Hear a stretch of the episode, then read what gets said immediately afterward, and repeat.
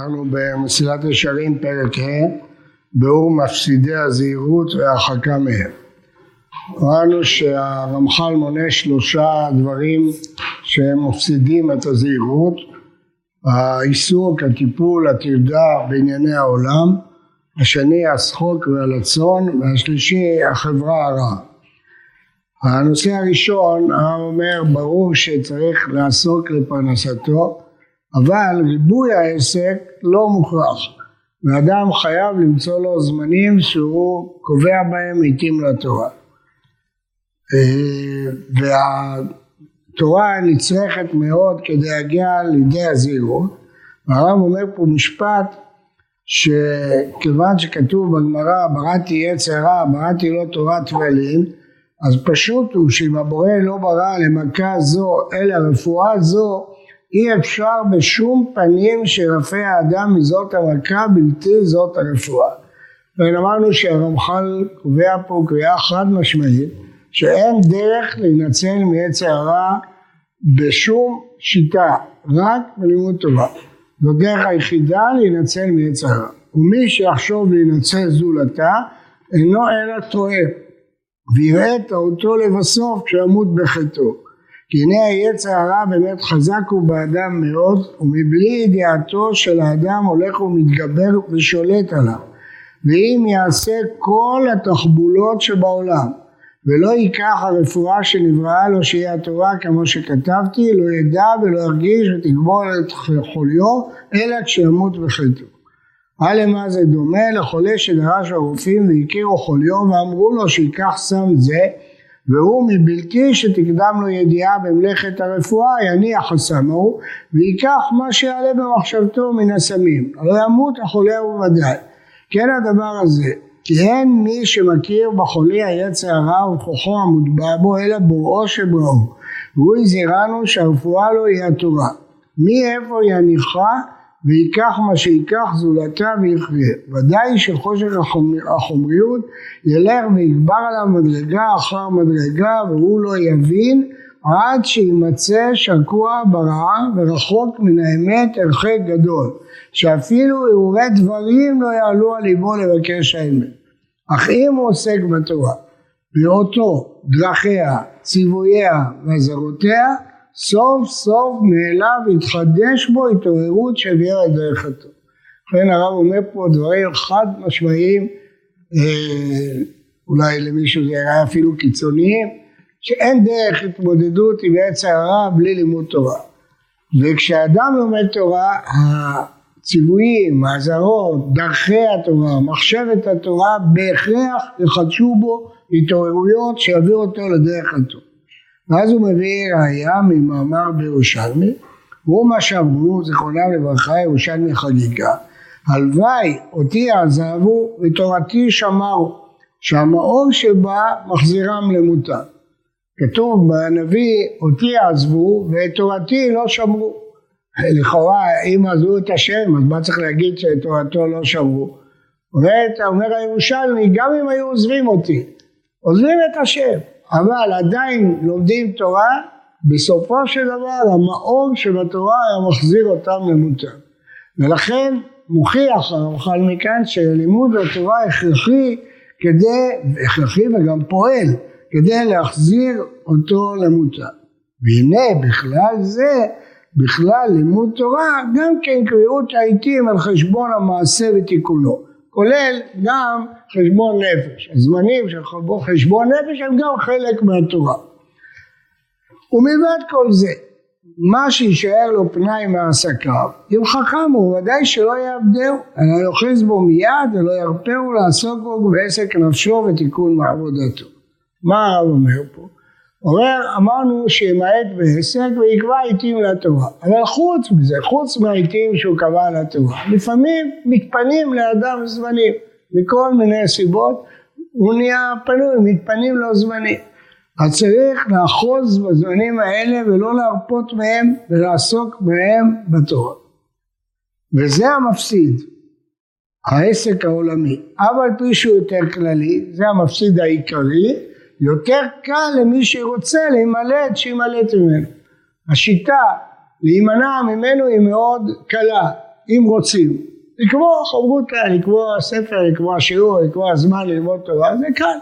לא נדרש פה מאמץ נפשי מיוחד, יש לזה פתרון, לבעיה הזאת יש פתרון, לקבוע עיתים בתורה, וגם בזמנים המודרניים, שיש עבודות שתופסות את האדם מהבוקר עד הערב, גם כן יש זמן, יש זמן לקום מוקדם בבוקר, לפני העבודה, יש זמן ביום שישי ובשבת, בדרך כלל אלה שעובדים מהבוקר עד הערב יש להם יומיים פנויים, או שיש להם שבתון אחת לכמה זמן, או שיש להם זמן פנוי, אז צריך לא להיכנס לאיזה שעבוד של העבודה מהבוקר עד הערב ולשכוח את התורה, כי בסופו של דבר היא שתגן על האדם מיצר הרע.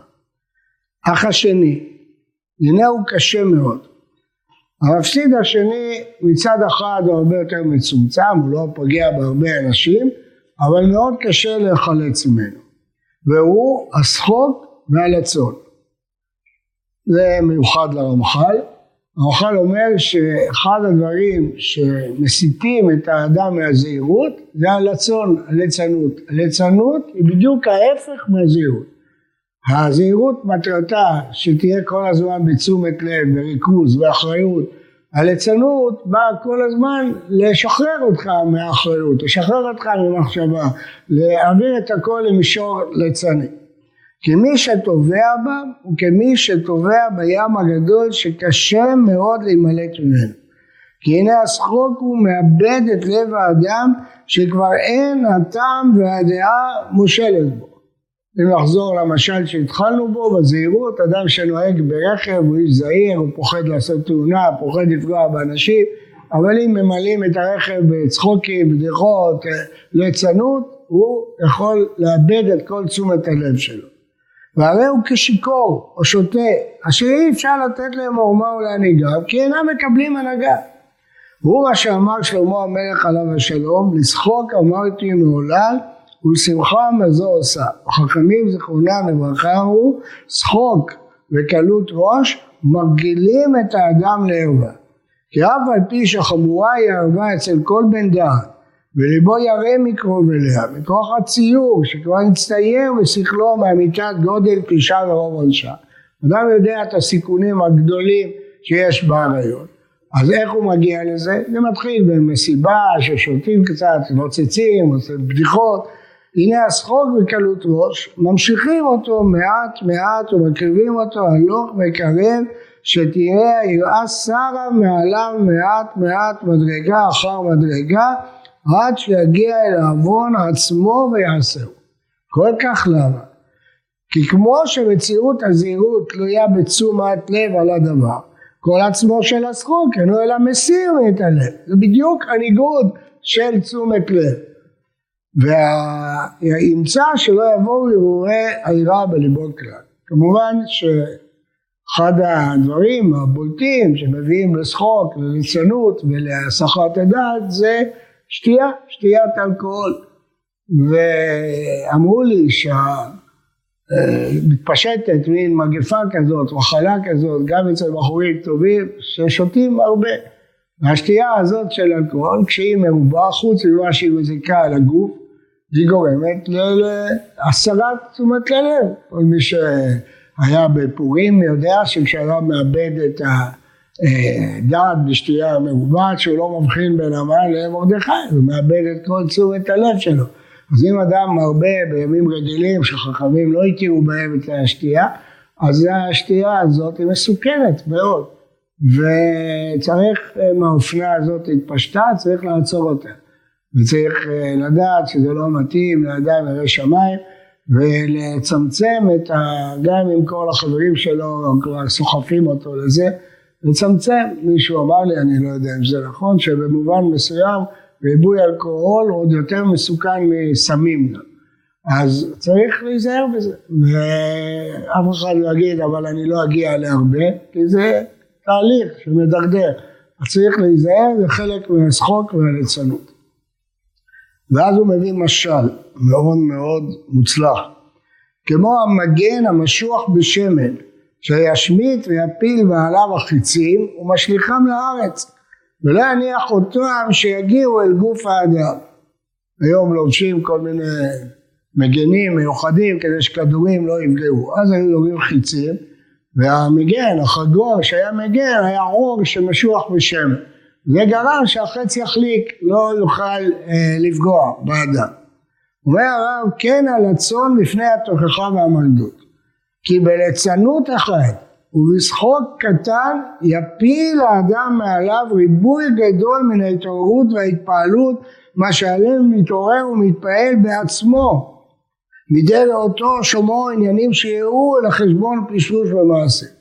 יכול מישהו לתת מושג תוכחה וכל הציבור מתעורר מתרגש, התרגשות גדולה ויכול האדם אחד לשבת בסוף האולם ולצחוק, לעשות איזה קריקטורה על הדיבור של הרב, על המראה שלו, על איזה בגד שלו, לא חשוב מה, מיד כל התוכחה הזאת נעלמת, נופלת. הליצנות האחת הזאת הפילה את כל הדרשה העמוקה של הרב. אז תאמרו, סימן שהתוכחה לא הייתה טובה, אם אפשר להפיל אותה כל כך בקלות, אז כנראה היא לא רצינית. הרב לא, לא מפני חולשת העניינים, ולא מפני חסרון הבנת הלב, מפני כוח הלצון ההורס כל ענייני המוסר בעירה. לא לחינם במדינות טוטליטריות היו משתמשים הרבה בסרקזם, בקריקטורה, בדרך כדי להפיל את הפחדים מהשלטון. כי הלצון יש לו כוח עצום, יש לו כוח עצום שיכול להפיל הרבה מהתעוררות המוסר אה, של האדם. סיפר לי הרב ישעיהו אדרי, זיכרונו לברכה, שבישיבת וולוז'ין למדו כמה אנשים שידעו ספרות ועסקו בספרות ומישהו ניגש לנציב והראה לו איזה קטע בעיתון של ליצנות מתוחכמת מאוד, חריפה מאוד והנציב לקח בו ברגע העת וכתב קטע נגדי באותו סגנון. הוא אמר לו תראה אם היינו רוצים גם אנחנו יכולים. אנחנו לא רוצים להשתמש בכלי הזה. אנחנו לא רוצים. אנשים חכמים חריפים ובעלי סגנון ספרותי ועת יכולים להשתמש בסרקיזם באירוניה בקריקטורה הם מכירים את זה זה כלי מוכר אבל זה כלי מסוכן. כי הכלי הזה יש לו הרבה כוח והכוח הוא להפיל משתמשים בזה כדי לשחוט פרות קדושות כדי להפיל חומות, זה גם מפיל את כל ענייני המוסר והתורה, לא מפני שאתה מתווכח, זה לא שהוא מתווכח עם הרב, הרב אמר איזה טענה, איזה סברה והוא עונה לו, הוא פשוט עושה קריקטורה על איך הוא אמר את המילים, או איך אה, הוא לבש את הכיפה, או איך הוא נראה את החולצה שלו, על הקריקטורה הזאת הוא מפיל את כל הדרשה שלו. אם הוא היה מתווכח איתו, אם הוא היה עונה לו, אז היינו אומרים כנראה יש חולשה בטענות של המוסר, אבל הוא לא משתמש, הוא בכלל לא בשדה של הטענות, הוא מעביר את הכל לשדה קריקטורה, והשדה הזה הוא, הוא מצליח, ויש לו כוח רב, והוא מפיל הרבה מחובות למוסר, ולכן הרב מזהיר שכוח הלצון הורס ענייני המוסר והיראה ולא ללכת בדרך הזאת.